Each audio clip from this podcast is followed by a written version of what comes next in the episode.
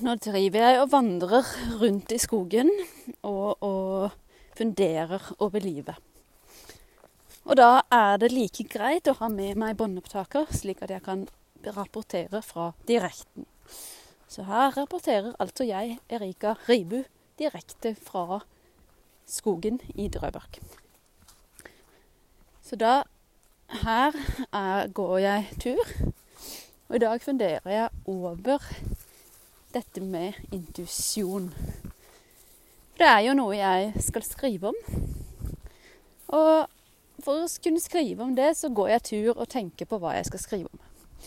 Og så nå så kom jeg på at egentlig så er det jo så veldig lett, dette med intuisjon. For det handler jo egentlig bare om å kose seg. OK, så nå skal jeg forklare det litt. Det høres jo litt rast ut, men nå, nå, skal jeg forklare det, sånn at du forstår hva jeg mener. Fordi nå, nå som jeg går i skogen, ikke sant, da koser jeg meg. Spiser litt blåbær, og jeg ser litt på sola og trærne og sommerfuglene. Så ligger jeg i gress og bare koser meg og nyter livet. Og da er det akkurat som at det er mer hyggelige tanker som kommer inn i hodet når jeg koser meg.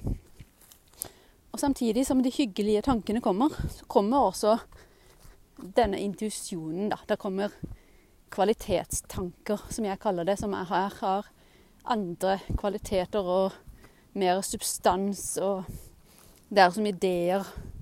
Ideer som er som beskjeder. Ja, så det er alt dette sammen, på en måte. Men egentlig så, så kan ikke denne intuisjonen komme når jeg er stresset. Fordi når jeg er stresset og er i hamsterhjulet, da stresser jeg mye. Og løper rundt og løper rundt og løper rundt. Og da er hodet mitt fylt med litt mindre hyggelige tanker. Litt dårligere kvalitet. Og da er det sånn at uh, de andre tankene som egentlig burde være der, de som er koselige, de kommer ikke inn fordi hodet er så fylt med de uhyggelige tankene. Og bare masse tanker og stress om hva jeg skal gjøre, når jeg skal gjøre det, og hvordan jeg skal gjøre det, og hvis sånn og sånn. Og alt dette her. Men når jeg koser meg og går tur i skogen og har det hyggelig og ser på trærne og ligger i gress og plukker blåbær og sånn, da kommer jo disse andre tankene. Så egentlig er det ikke så veldig vanskelig få dette med intuisjon. Det er bare som jeg sier nå, altså det er bare å kose seg litt mer og slappe av litt mer og sånt. Og så, så vil alt ordne seg. Og da er det jo litt rart at uh, selv om jeg vet det nå, så skal jeg da skrive sannsynligvis en hel bok med masse, masse sider og masse bokstaver og setninger og skrift om egentlig bare det samme om og om og om igjen. At vi må bare kose oss mer. Ja, slappe av litt mer og sånn. Gå litt mer tur i skogen og være litt mer sammen med naturen. Og ikke rasere naturen, men heller ta vare på den og sånn. Så det skal jeg skrive om, og da er det jo litt morsomt at uh, at kom kommer jeg på nå at uh, selv om jeg vet alt dette, så skal jeg da bruke et år av mitt liv på å skrive noe jeg allerede vet. Bare på veldig mange forskjellige måter. Om og igjen og om igjen for å bevise at jeg har rett. Og for at budskapet skal gå inn hos de som leser det. Så det er jo Det er jo litt festlig at vi holder på sånn, vi mennesker. Men det er jo altså noe må vi jo gjøre. Fylle tiden vår med, som kan føles meningsfylt. Det er jo noe man kan gjøre. Skrive om noe man allerede vet. Svare på. Og så Ja, så derfor er det ikke sånn at uh, hvis du ikke ønsker å lese denne boka fordi du syns det er kjedelig å lese bøker om noe du allerede vet svaret på, så kan du trøste deg med at det jeg har sagt i denne lille episoden er gjenspeiler Gjenspeiler altså det som eh, Det som eh, eh, hovedinnholdet i boka. Så det Så sånn er det. Og nå har jeg havnet midt i en Midt i en sånn katteskog som jeg ikke vet hvordan jeg skal komme meg ut av. Men da er det bare å bruke intuisjonen. For intuisjonen kan man bruke hvis man også er litt usikker på veien man skal ta. Kan man stoppe opp et øyeblikk og så spørre hvilken vei er det best at jeg tar. Nå er det best at jeg bare egentlig ødelegger Eller ikke ødelegger, da, men jeg bare vennlig skjøv noen planter til side for at jeg kunne komme forbi. Og det, det må være lov. Det må være lov. Så det er altså en annen måte å bruke intuisjonen på. At når du går og går ut i skogen, og tankene har falt i ro, og de andre finere tankene har kommet har klart å komme seg inn, da kan du begynne å spørre og få svar. Så her stopper jeg opp, og så ser jeg masse blåbær, f.eks. Og da kan jeg jo spørre Skal jeg spise disse blåbærene, eller skal jeg Skal jeg la dem være til nestemann? Da sa intuisjonen min at jeg skal spise alle sammen. Så da gjør jeg det. Sånn. Skal jeg bare spise litt?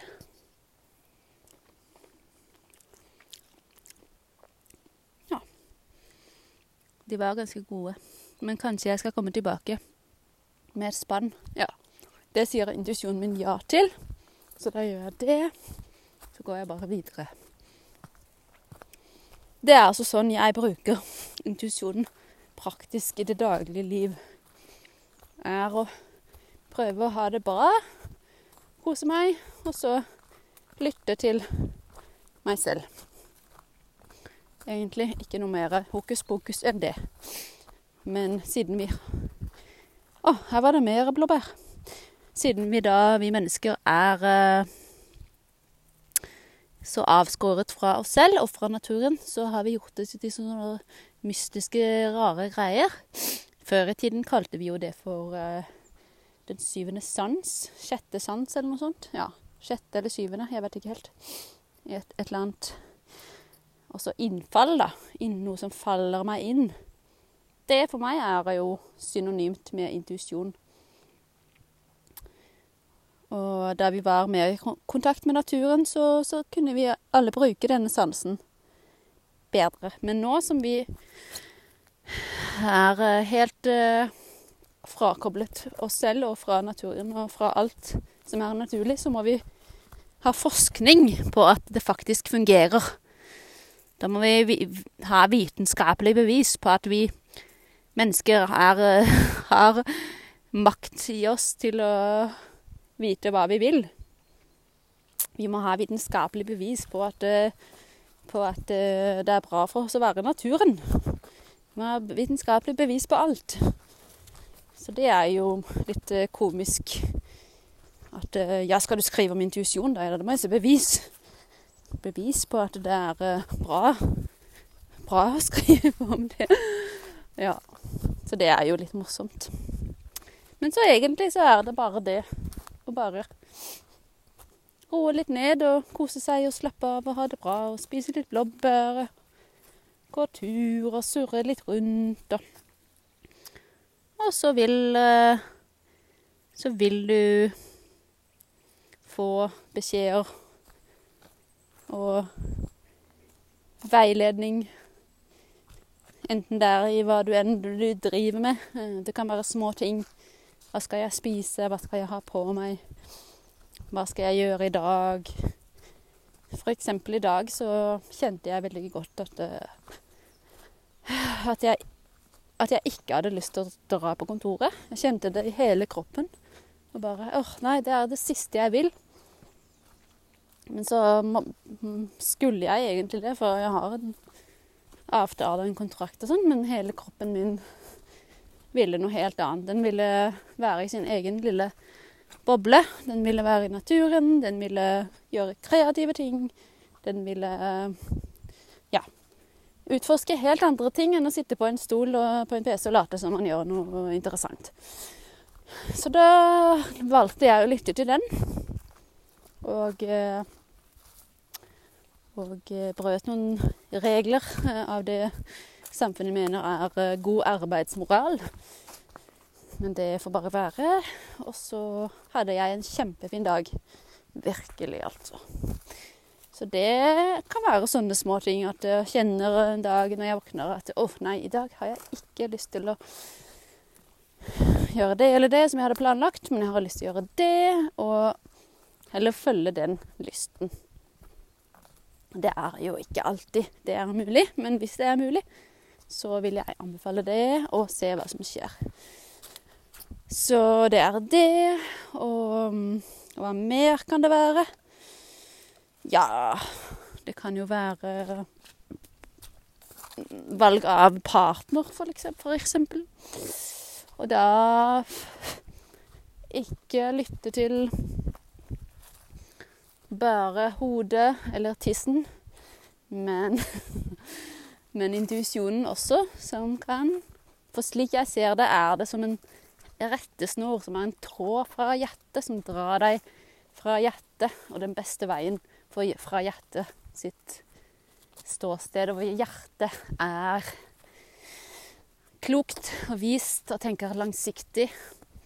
Og vil det beste for deg på lang sikt, mens hodet, slik jeg ser det, er mer opptatt av penger, makt, kortsiktige løsninger, eh, frykt, ego Ja, sånne ting.